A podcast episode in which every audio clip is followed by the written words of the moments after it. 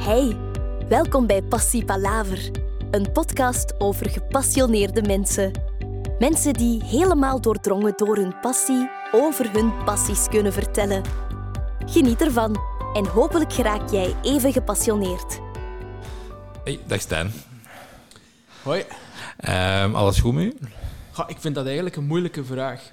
Dus ik ben al twee keer van kapper veranderd, eh, omdat de kapper bleef doorvragen op hoe is het met u en hoe is het nog eens met u. Ja. Dus tegenwoordig antwoord ik eh, met een score van 0 tot 10. Oké. Eh, en dan moet ik me ook niet meer de vraag stellen van wat wil die persoon precies weten. Dus ik antwoord naar waarheid, hoe het met mij gaat, waarbij 0 mijn slechtste moment ooit is en 10 mijn beste moment. En dan denk ik dat ik nu op een 6 zit. Dus er is een, een basisgevoel van ik ben content. Mhm. Maar er is op dit moment, nu ik hier tegenover u zit, Ja. een gevoel van vermoeidheid. Dat is gisteren en eergisteren ook al zo. En ja, vermoeidheid is Ja. niet tof. Dan, dan voelt je je niet zo content als wanneer dat je je energiek voelt en bij wijze van spreken de wereld aan kunt.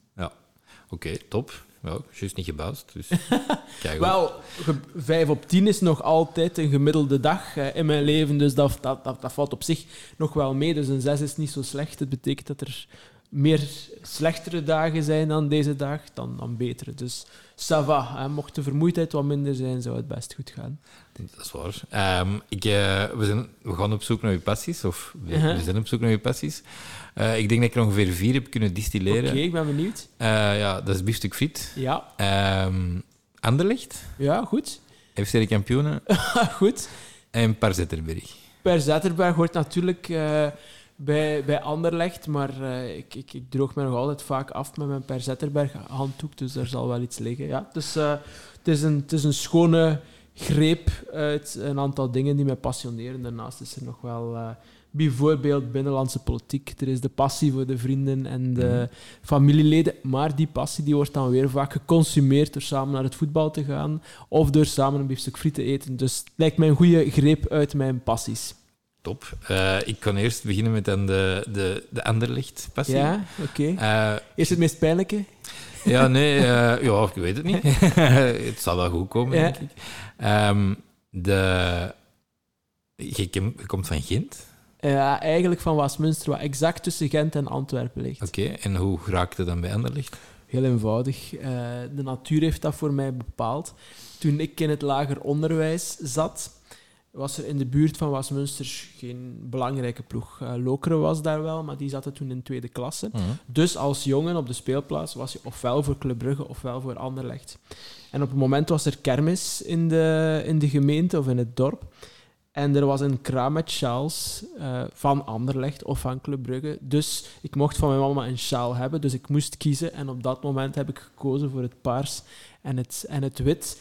Eh, maar heel veel meer zat daar niet achter. Misschien hopelijk dat er in mijn achterhoofd speelde van dat is de club ja, de grootste, de nummer één, eh, die met het meeste eh, stijl en flair en zo verder. Ja. Maar ik denk dat het gewoon bij toeval is dat ik die sjaal heb gekozen en dat je er dan toch op een of andere manier mee verbindt met die ploeg, naar wedstrijden gaat gaan kijken, op een bepaald Mhm. moment abonnementen koopt. En, en, en daar toch, ja, ik, ik heb een, een tijdje geprobeerd om naar Agent ook te gaan kijken, vlakbij een Ja. nieuw stadion. Maar ja, die band voel ik daar toch eh, niet. Eh, rationeel ben ik, ben ik ook voor A-agent, maar de emotie is er, is er niet zo bij. En vanaf welke periode spreken we dan? Welke ploeg? Eh, was goed? Allee, ja. Welke ploeg was er toen jij het goed vond? Toen ik dus mijn sjaal koos, was ik een jaar of 11, 12. Dus ik ben geboren in 1983, dus we spreken over midden de jaren 90. Dat was eigenlijk een kantelpunt voor Anderlecht. Dus Mhm. zij kwamen uit de periode, de goede periode, met, met Johan Boskamp als trainer, waarbij dat je Mark de Grijze had, je had Luc Nielis, je had Philippe Albert. Eh, dus, dus heel goede spelers, maar die zijn dan door het Bosman-arrest, dat denk ik van 96 dateert, of Mhm. in 96 is ingegaan, zijn ze allemaal die goede spelers kwijtgeraakt. En dat is ook een dip geweest van een aantal jaren, die nog niet zo erg was als de huidige dip. Maar toen was het, ja, begin de jaren 90 werd Anderlecht bij wijze van spreken elk jaar kampioen, ofwel soms eens tweede. En plots was dat gedaan. Er is toen ook de, de omkoopaffaire Ja. geweest, 97, 98, ik weet niet, iets van die orde. En dat is toch ook wel een jaar, een jaar of vijf sukkelen geweest, totdat dan Emme Teunis, ook een Waaslander, Ja. eh, trouwens naar Anderlecht kwam. En, en toen werd er aangeknoopt opnieuw met, met kampioensjaren, met, met goede jaren in de Champions League en zo verder. Maar mijn bewustzijn is gekomen op het, op het kantelpunt in de jaren negentig. Oké. En vanaf toen ook al direct naar matchen gaan zien, of nog niet? Eh, ja, eh, ik, ik ben denk ik mijn eerste wedstrijd op Anderlecht moet van eind de jaren 90 eh, dateren. Daarvoor ben ik wel naar, naar, naar Loker gaan kijken. Dat was dan met mijn onkel, dus mijn eerste wedstrijden. En daar heb ik ook wel een band mee met, met eigenlijk Lokeren zaliger, laat, ons, laat ons zeggen. Dus eind jaren 90 naar, naar Anderlecht beginnen gaan kijken. En dan pas abonnementen gekocht eh, rond 2012. Mhm. Dus toen, eh, toen was ik aan het doctoreren. eh, was ik, wat is dat dan? Tegen de 30 ging ik, ging ik al aan. En toen begon ik twee abonnementen te kopen. Dus dan kon ik telkens een andere vriend of goede kennis meenemen. Mhm. Dat wisselde dan af en dat was eigenlijk een goede manier om ook vriendschappen te onderhouden, om samen in de buurt van Brussel te zijn, om eh, te gaan eten bij de, de schitterende brasserie Frituur wat mij natuurlijk ook deels bij die andere passie Ja, ja. eh, brengt. Dat heb ik dat een aantal jaren gedaan. En dat is dan weer gestopt, het koop- kopen van abonnementen, toen men een jaar of drie geleden vanuit het bestuur zei van kijk, supporters, u moet het volgende begrijpen. Eh, dit seizoen gaan we gewoon wat uittesten. Dat was met Company en zo verder. Ja. Volgend jaar gaan we proberen bij de eerste vier te zijn. En weet u wat, over een jaar of twee, drie gaan we nog eens proberen om kampioen te spelen. En toen heb ik gedacht van oké, eh, ik ben Anderlecht supporter.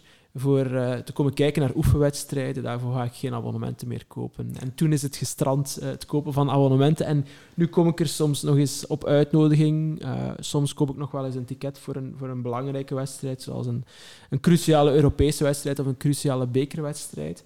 Maar andere wedstrijden in de competitie voelen voor mij toch nog een beetje te veel als oefenwedstrijden. En dus, ja, we spreken hier over, over passies.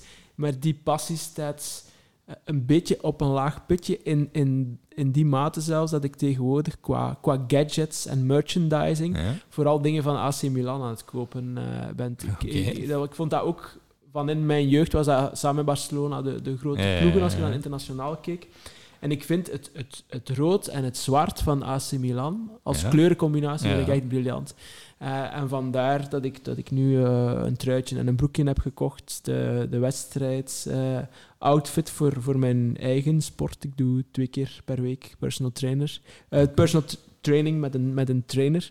Eh, en dus daar heb ik sportkledij voor, voor nodig. En dus ik koop tegenwoordig een en ander van AC Milan. Dus die passie eh, staat een beetje op een laag putje. Oké. en eh, wat denken we van de, de huidige trainer en technisch Ja. eh, directeur?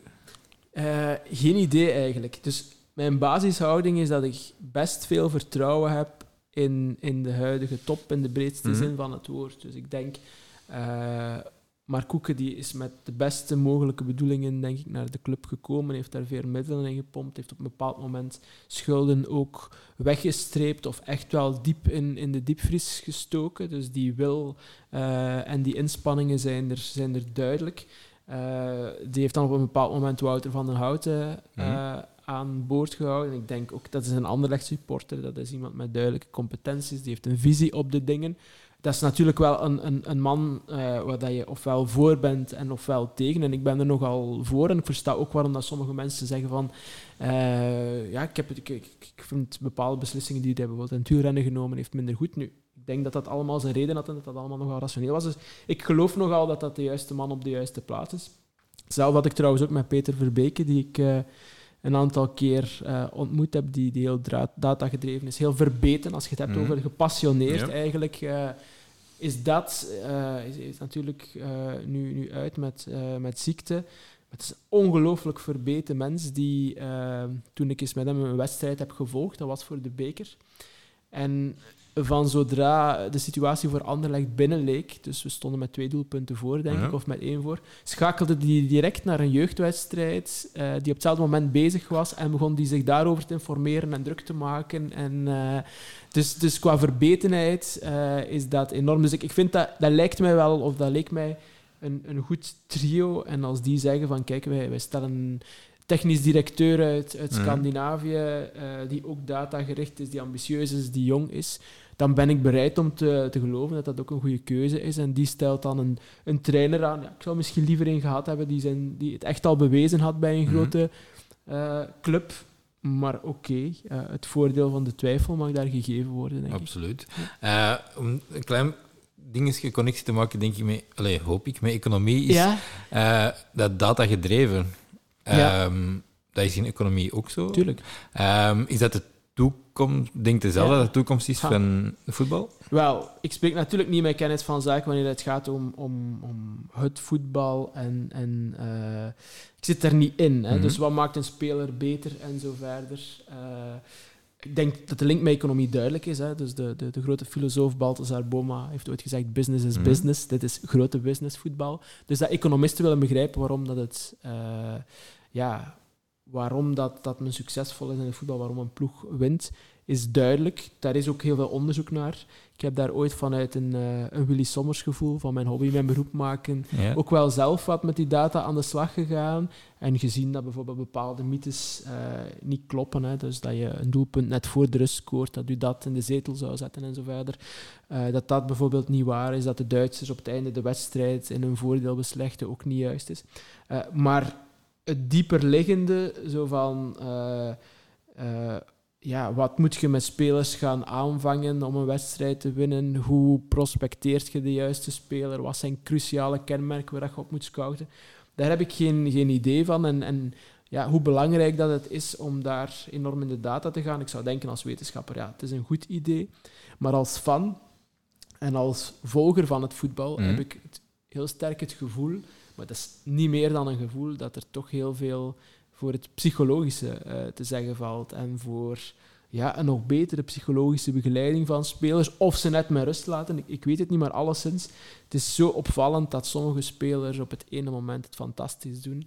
En dan twee maanden later veel minder zijn. Of dat een ploeg dat dat plots pakt. Of dat dat dan weer niet meer pakt. En ik denk dat, dat eh, of mijn gevoel is, en het is echt niet meer dan een gevoel, dat er nog enorme winsten te boeken zijn wanneer dat je de spelers op de juiste manier psychologisch zou kunnen prikkelen.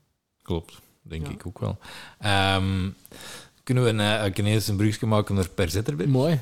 Ehm, ik ga ervan uit, dat was de draaischijf Ja. tijdens de Champions League-wedstrijden. Allee, tijdens de, de hoogdagen van Anderlecht in de Champions League. met Antonius. Eh, ja. ja, met Manchester United, Ja. met Cresson Ja. en zo verder.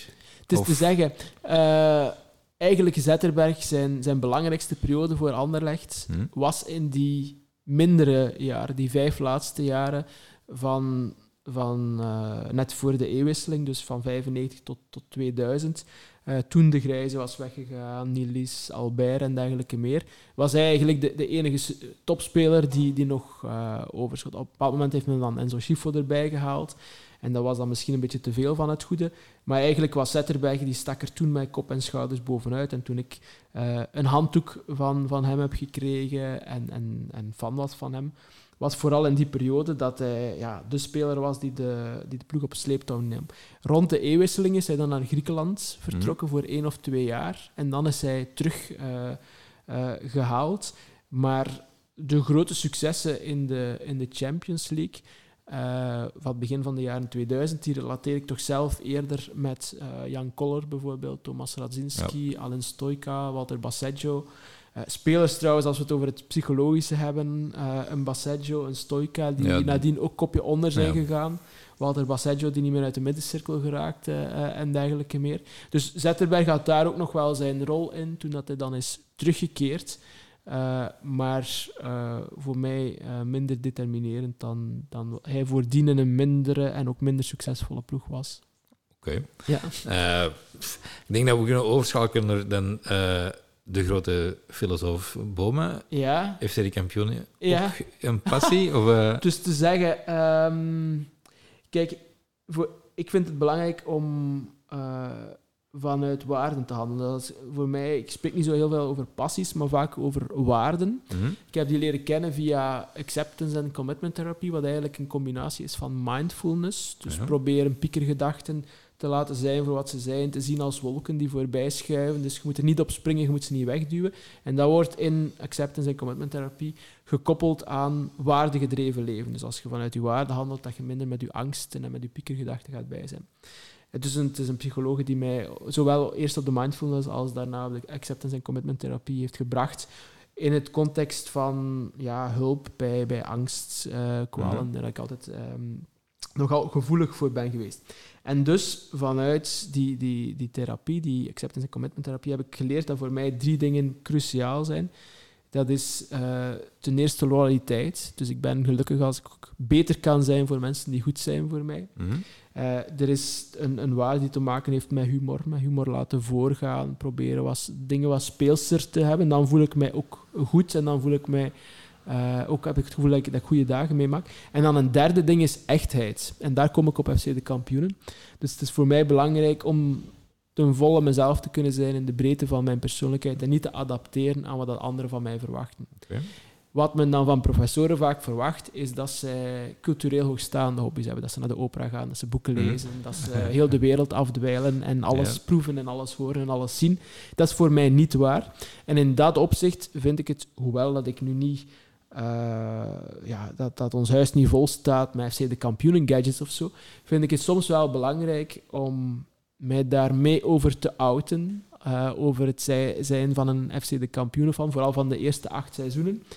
Uh, om, om zo wat tegengewicht te bieden, enerzijds tegen het, het, het, het, flauwe denken daarover, dat dat iets is dat alleen maar door wie bij wijze van spreken niet gestudeerd is, kan geapprecieerd worden. En ten tweede, om te tonen van, kijk, ik ben wie ik ben en ik doe daar geen compromissen aan, dus ik ga dat ook niet verbergen, dat daar uh, voor een stuk uh, dat daar ligt waar ik mee, mee lag. Uh, met die eerste acht seizoenen van FC de kampioen. Ik weet, het is een hoogdravende uitleg, hè, nee, nee, maar ja, ik ben ehm, volledig... Dat, dat is van wat dat het, dat het komt, dat, hoewel dat ik, dat ik um, bij wijze van spreken veel vaker aan het lezen ben, bijvoorbeeld over binnenlandse politiek, wat dat ook een hobby is, of met mijn werk uh, bezig ben en aan het mhm. programmeren ben, of, of wat dan ook.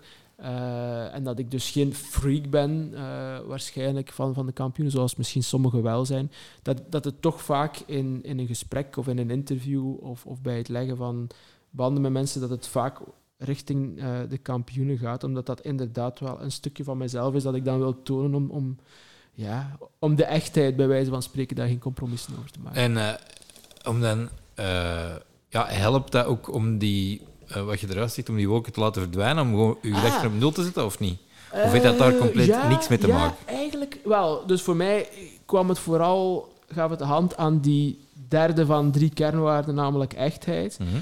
Maar door mijzelf te proberen ten volle te zijn, niet weg te steken, ja, helpt dat mij inderdaad in het hier en nu te zijn, in het reinen te zijn met mezelf en niet op piekergedachten te springen, langs de ene kant. Langs de andere kant is het ook gewoon zo dat uh, ik regelmatig voor het slapen gaan naar de kampioenen kijk en dat dat iets is dat gewoon door zijn zuivere ontspanning, door zijn herkenbaarheid, uh, door het makkelijke voor een stuk uh, mij wel helpt om, om in een moed van, van wat rust te komen. Mhm. Dat we dat iets dat donkerder is qua, qua, qua, qua beeld, dus qua, qua, qua film of qua serie, dat, dat, dat ik weet dat mij dat gaat triggeren. Uh, net zoals uh, de donkerte buiten mijn, mijn angstgedachten kan triggeren. Dus, dus het, is, het, is, het is geen uh, evidence-based medicament, bij wijze van spreken, maar het, maar het is goed voor mij. De kampio- okay. Ja, dat is het eigenlijk. De kampioenen zijn al goed voor mij geweest. okay. Of sommigen toch. sommigen toch. De eerste echt seizoenen, ik ja. vermoed DDT. DDT is de rode draad, maar wat dat veel mensen niet weten, is dat je doorheen de reeks Iedereen ziet er is een verschuiving. Het wordt meer karikaturaal na mm, reeks ja. 8. Dus je hebt figuur van Mark Vertongen die heel erg op de voorgrond treedt. Uh, meer slapstick, uh, meer... Ja, die, dus die karikaturen, zo, zoals ik zeg. En dat, dat zien mensen, maar het heeft eigenlijk met twee dingen nogal sterk te maken, denk ik. Dus je hebt een wissel van scenaristen Mhm. doorheen de reeks. Uh, je hebt bijvoorbeeld Anne Zwartenbroeks, die Bieke speelt in de reeks, die plots zelf scenario's begint te schrijven.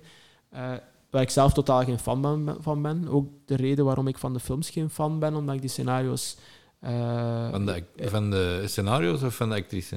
Wel, voor mij is het de figuur Bieke in de, in de reeks niet, niet, niet zo belangrijk. Dus ik ben daar niet, zeker ook niet zo fan van. Maar ik ben vooral niet zo fan van de scenaristen. Eh, daar waar haar vader, die in de eerste reeks schreef, Hm. René Zwartenbroeks, ja, veel van de, van, de, van de beste afleveringen heeft gemaakt. Dus je hebt een wissel van scenaristen en je hebt ook op een bepaald moment een wissel van eh, regie, eh, van regisseur. Ja. Eh, dat is, ik denk dat het tussen reeks 9 en 10 eh, is. Dus dat is tussen de twee reeksen met BTW als, als tegenspeler, bij wijze van spreken. En voor mij voelt je dat, dat nadien de focus veel meer op ehm, de snelle flauwe mop is komen te liggen dan op de trage, eh, verwarrende situatie, het trage misverstand, dat ik dan wel sterk kan appreciëren. Eh, dat het de focus veel meer op die, op die snelle slapstick is, is komen te liggen. Dus het verschil eigenlijk tussen eigenlijk, eh, de eerste acht, negen seizoenen, ja, een lang uitgesponnen Ja, ja, ja, misverstand. misverstand dat op het einde de point kreeg, naar vanaf 9 Ja. en 10 ja. direct moppen, misverstanden. Exact, ja. Dat is minder mijn humor. Ik versta dat het bij kinderen meer aanslaat. Dus dat de Ja, ja, kampioenen ja. lang hebben kunnen overleven, is, is wel vast. Omdat eh, ja, die figuur van, van Mark Vertongen en die, die, die meer... eh, ehm, ja, hoe moet je het zeggen? Scenario's die inderdaad nogal snel naar, naar een snelle opeenvolging van, van pointers Mhm. komen. Dat die kinderen heel erg aanspreken. Ja, het zijn echt levende stripverhalen op een bepaald moment.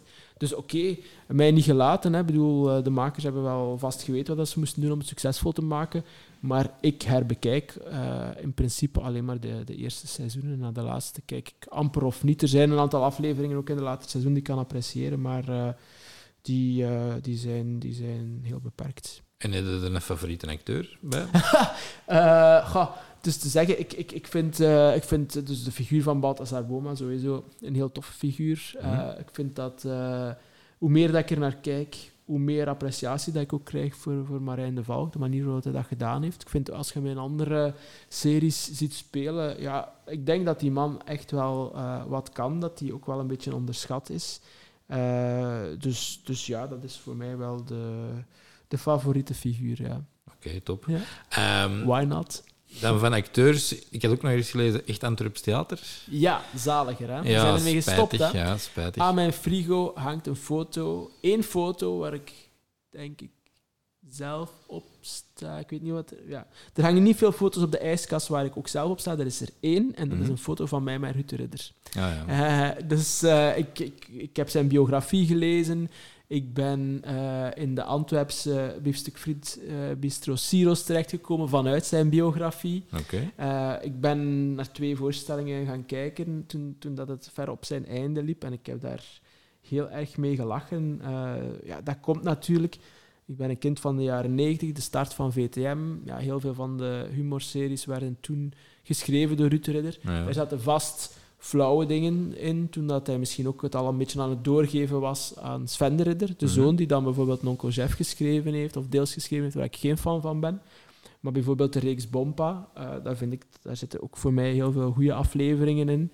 Met Ivo Pauwels, die Nonkel Jeff speelt later, maar die in de reeks Bompa eh, een van de zonen van Dun Bompa, Luc Philips, speelt. Ja, en die dat voor mij echt zeer, inderdaad, eh, Roger, die dat voor mij echt zeer goed doet. Dus de- dat, het bekvechten tussen Ivo Pauwels, Ruud de Ridder en Luc Philips vind ik, vind ik echt heel goede dialogen. En ik vind eh Ruud de Ridder fundamenteel een zeer goede dialoogschrijver. Absoluut, ja. En die Eh. wat dat betreft ook enorm onderschat eh, is. Ja. Maar ook omdat daar ook weer van, Antwerpen naar, eh, van Gent naar Antwerpen? Of van Westminster naar? Antwerpen? Ja, Ik, woon al, ik woon in Gent de helft van mijn leven, dus dat is, niet, dat is, dat is de afstand van Gent naar Antwerpen. Maar langs de andere kant is dat een schone uitstap. Hè? Ja, absoluut. Dus, ja. why not? Ja, ja, ja. ja, ik ben zelf ook... Allee, wij zijn met enkele vrienden zijn wij ook jarenlang zijn wij gegaan. Ehm, Kees, je hebt toch een band? Ja, absoluut. ja. Eh, En, en je, zag, allee, je zag het op het eind wel een beetje dat, dat, dat, Ja. ja, dat de stukken waren zo eerder... Ja, we gaan de knapste van heel de hoop gaan we in lingerie erover de Ja. scène sturen. Ja. En iedereen rondom mij vindt dat kei grappig. Ja. En je zit er zelf zo... Ja, deze was nu niet zo echt nuttig, maar ik Ja. snap dat je het gedaan hebt. Ja. Maar oké. Ja, ja. Ehm zijn je al naar Sven de Rieder Company gaan zien? Of? Ik ben nog niet gaan kijken, om, ja, ik, ik, ik, eh, ik vind Sven de Ridder kan, kan heel veel, dat is heel duidelijk. Mhm. Maar gegeven dat, dat ik wat ik van hem gezien heb aan tv-programma's qua scenario's, dat ik dat Mhm. niet, van, niet even goed vind als ik van Ruud de Ridder vond, eh, heb ik zoiets van, ja, ik denk niet dat het, dat het mijn ding zal zijn, maar misschien zeg jij van, eh, het is wel de moeite. Eh, het, het idee is altijd goed. Ja. Ja, de, de dialogen ja, zijn niet zoals in Ja. Ticht Theater. Ja, ze, Ehm. ze, waren goed samen, hè, Ja, vader en zoon. ja. Jammer dat, dat, dat, dat, dat, dat, er zo'n verwijdering is. ja allee, ik vond het topduo in een, in een bompa. Allee, de, top, de topacteurs vond ik ja, sowieso eh, Ivo Pauws als Ja. Roger. Eh, ja, Luc Philips, Ruud Ja. Rieder, maar ook Jane Peter. eh, ja, ja, akkoord. Geweldig. Ja, tante José, ja. Zelfs de, de, de nonkel, die er maar een paar afleveringen in komt. de eerste ja, reeks, ja. Paul. Geweld, allee, geweldig En dat is het echt. Antwerps theater. Die, die acteurs. Ja, dat was geweldig. hè. En nadien komt... Allee, ja, het is echt het is heel goed geschreven. En, en zelfs de, zo de spin-off, gelijk Chez Bon ja, vind ik op zich ook Ja, ik ook. tof. Allee, Ja. tof en goed gevonden. Eh, ja, was die geest nodig? Ja, ik vind, het- ik vind dat plezant. Ja, Want Luc Philips is wel... Allee, was altijd gekend als een grote acteur. Dat was het KNS. Uh, Bon Palavait zelf... eh, ehm, Bernard Vrijden, eh, ehm, haar- zijn vrouw. Ja, eh, zijn vrouw, die mogen we toch even onderlijnen. Ik vind dat een van de, de, de, de, de grappigste actrices Ja. die wij in Vlaanderen hebben gehad. En Ja. Lise Zimmerman. maar ook daar was hij was een serieuze actrice van de KN. Allee, heb ik horen vertellen. Ja. Deze was een, die is in diagonale in een boerla. Ja, we moeten nu eens proberen. Nu gebeurt dat meer. Hè. Ja, Maar nu hebben we bijvoorbeeld een Ben Segers. Ja, speelt boerla, maar speelt ook zonen van Van Es. Eh, en nog andere typjes. Eh, dus nu zie je dat meer, maar vroeger was dat... Luc Philips gaat, hem, gaat in een comedyreeks spelen. Wie Ja. heeft dat ooit gezien?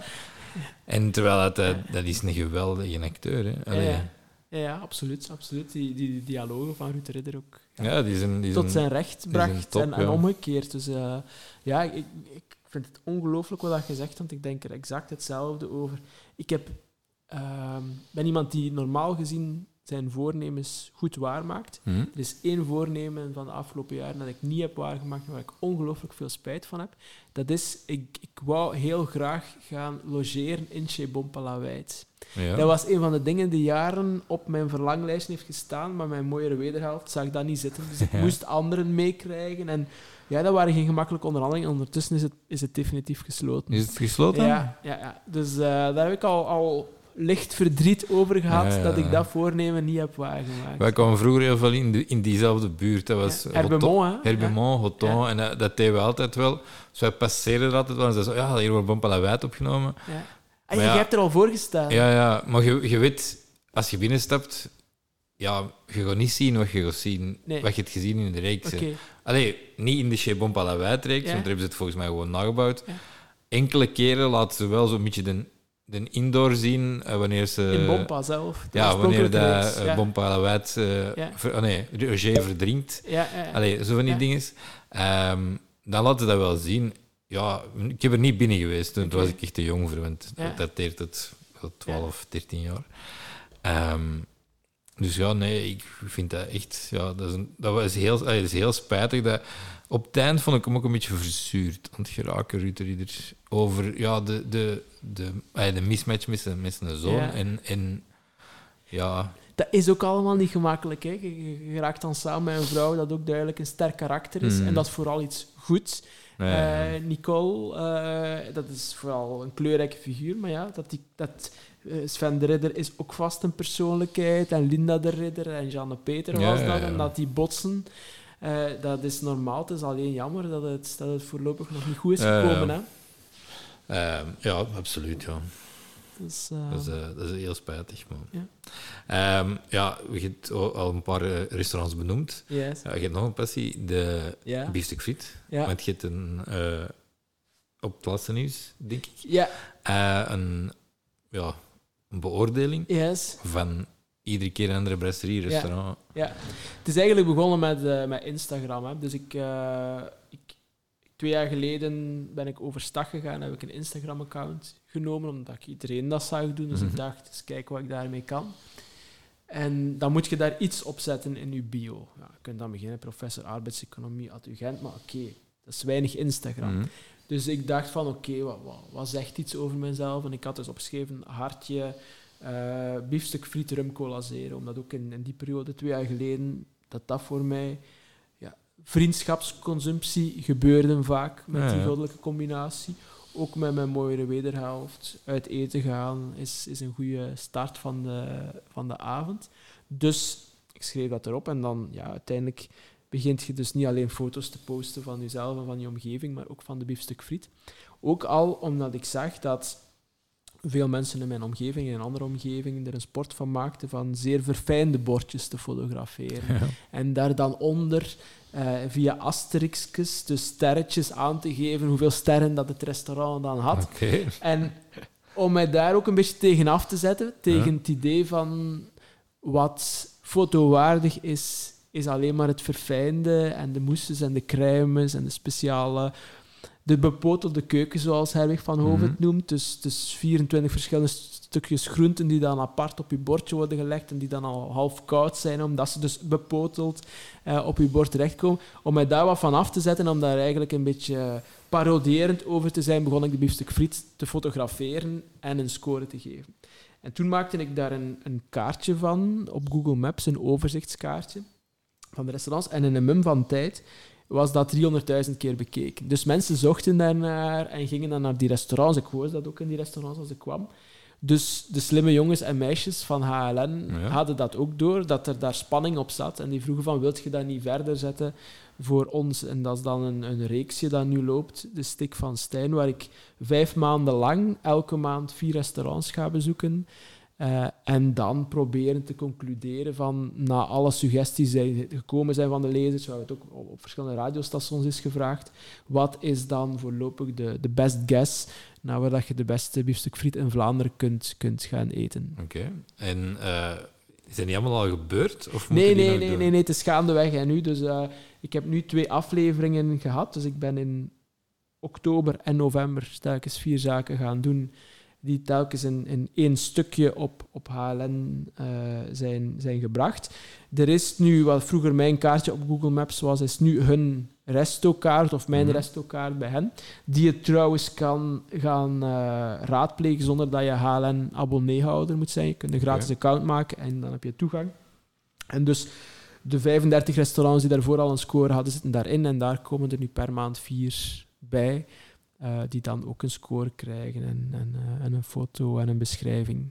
En je al lekker gegeten? Dat zal wel zijn. En ja. je al slecht gegeten? Ja, wel slecht gegeten. Ja, voor de, half voor de grap heb ik eh, de, de, het, het beste pretparkrestaurant van Vlaanderen ook ja. meegenomen. In, de, in Plopsaland heb je Ja. Prinsessa en daar serveren we zijn biefstuk friet. En die heeft 5 op 10 gekregen. Dus dat was een, een lage score. Ja, het was ook wel 5 op 10 waard. Dus het was niet 2 of 3, het was wel 5 op 10.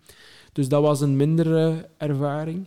Wat ook een beetje minder is voorlopig, is het Gentse, met pijn in het hart. Ja, maar als mensen mij vragen van waar in Gent zelf moet ik zijn, ja, dan, dan is mijn gevoel toch van... eh, zeker de zaken die zo wat gekend zijn, zijn een beetje overpriced. eh, of eh, ja, vind ik dan gewoon zelf een stuk minder goed. Dus ik, in, in Sint Maartenslaten, wat dat, dat al de, een, een buurgemeente is, daar, Mhm. daar vind ik er eh, wel, wel een goede. In Bolders of in Deurle is dat. Maar in Gent zelf... valt- Dus, dus aan de kant van, heb je al minder goed gegeten? Ja, in Plopsaland. En in Gent zelf valt het mij ook eh, een beetje tegen. Oké. En hoop er nog een echt topper-topper tegen te komen? Of, Ik eh, sta daarvoor open.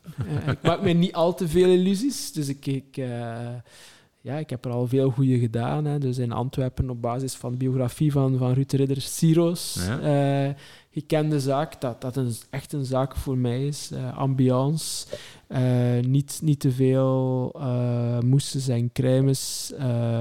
een mooie kaart, goede dan blanche trouwens ook. Oké. Dus heel, heel, heel schone zaak. Het, het restaurant waar wij in mijn kindertijd eh, rond Pasen naar gingen, Scheepken in Exaarde. Ja, dat blijft zo'n referentie, dat is ook zo'n 9,5 op 10.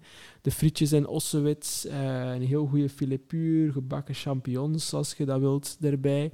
Die zaak heb ik al een aantal keer uh, vernoemd, ook op, de, ook op de radio. En die man heeft het mij vorige week nog gezegd, dat door dat suggereren, door dat opnemen in de reeks, dat hij vroeger...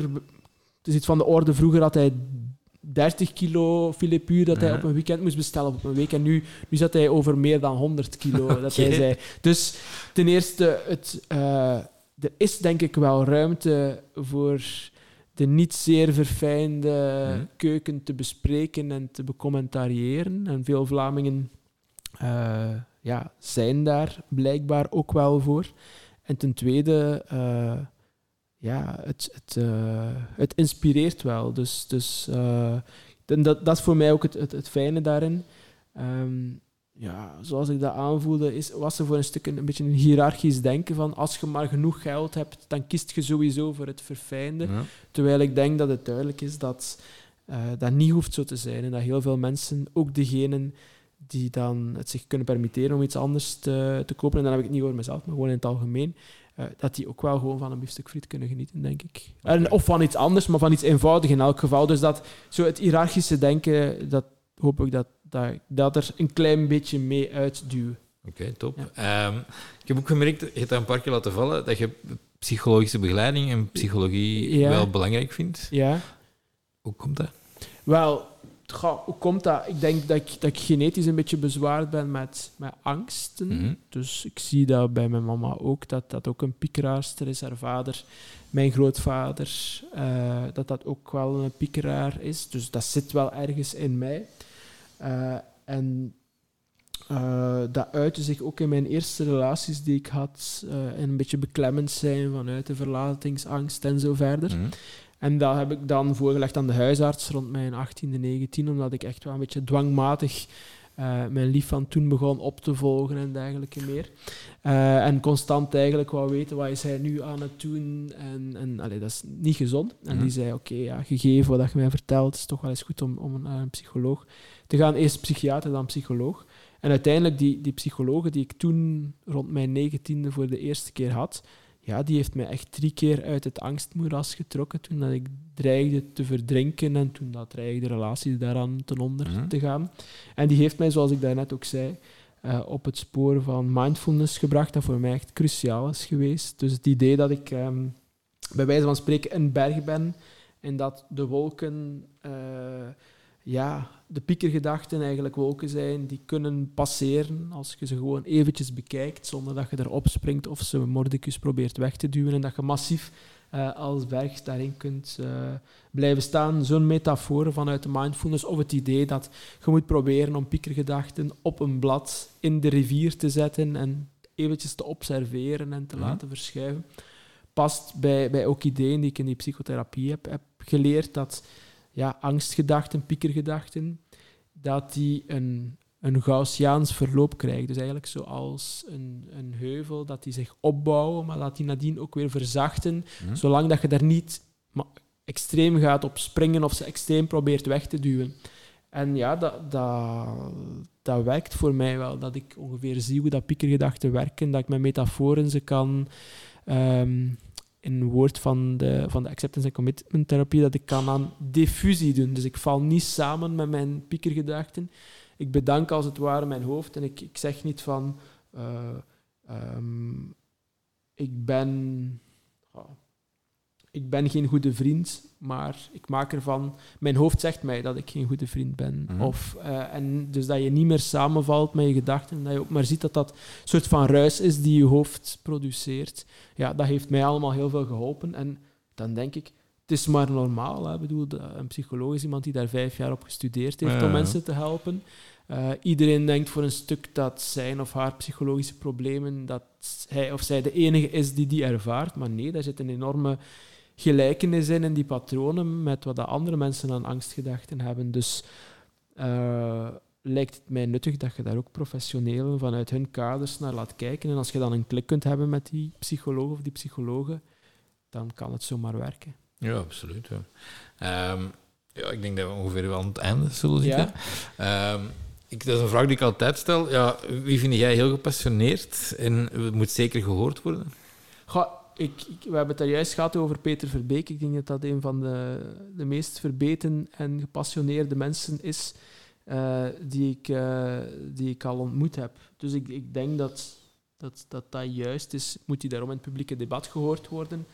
Uh, misschien wel. Ik bedoel, hij heeft, heeft deze zomer ook een interview gegeven in De Morgen, waarin dat hij ook in, in, in zijn hart laat kijken en in zijn geest laat kijken. En ook heb het, het, boek, het is nu toevallig, het boek over acceptance en commitment therapie, de valstrik van het geluk opgestuurd na onze, nadat we samen naar een voetbalwedstrijd hadden gekeken en heeft daar ook veel aan gehad en heeft daar verder uit gefilosofeerd in dat interview. Dus ik, ik zou hopen uh, ja, dat, dat, dat eens hij er terug fysiek helemaal staat, dat hij um, een, een goede professioneel leven terug opneemt, evenwichtig, en dat hij van daaruit ook, en vanuit zijn ervaring die hij nu mhm. opdoet, dat hij daar ook uh, maatschappelijk over gehoord kan, kan worden en zijn ervaring verder zal delen, wat hem het leven moeilijker heeft gemaakt en wat hem heeft geholpen om terug recht te staan.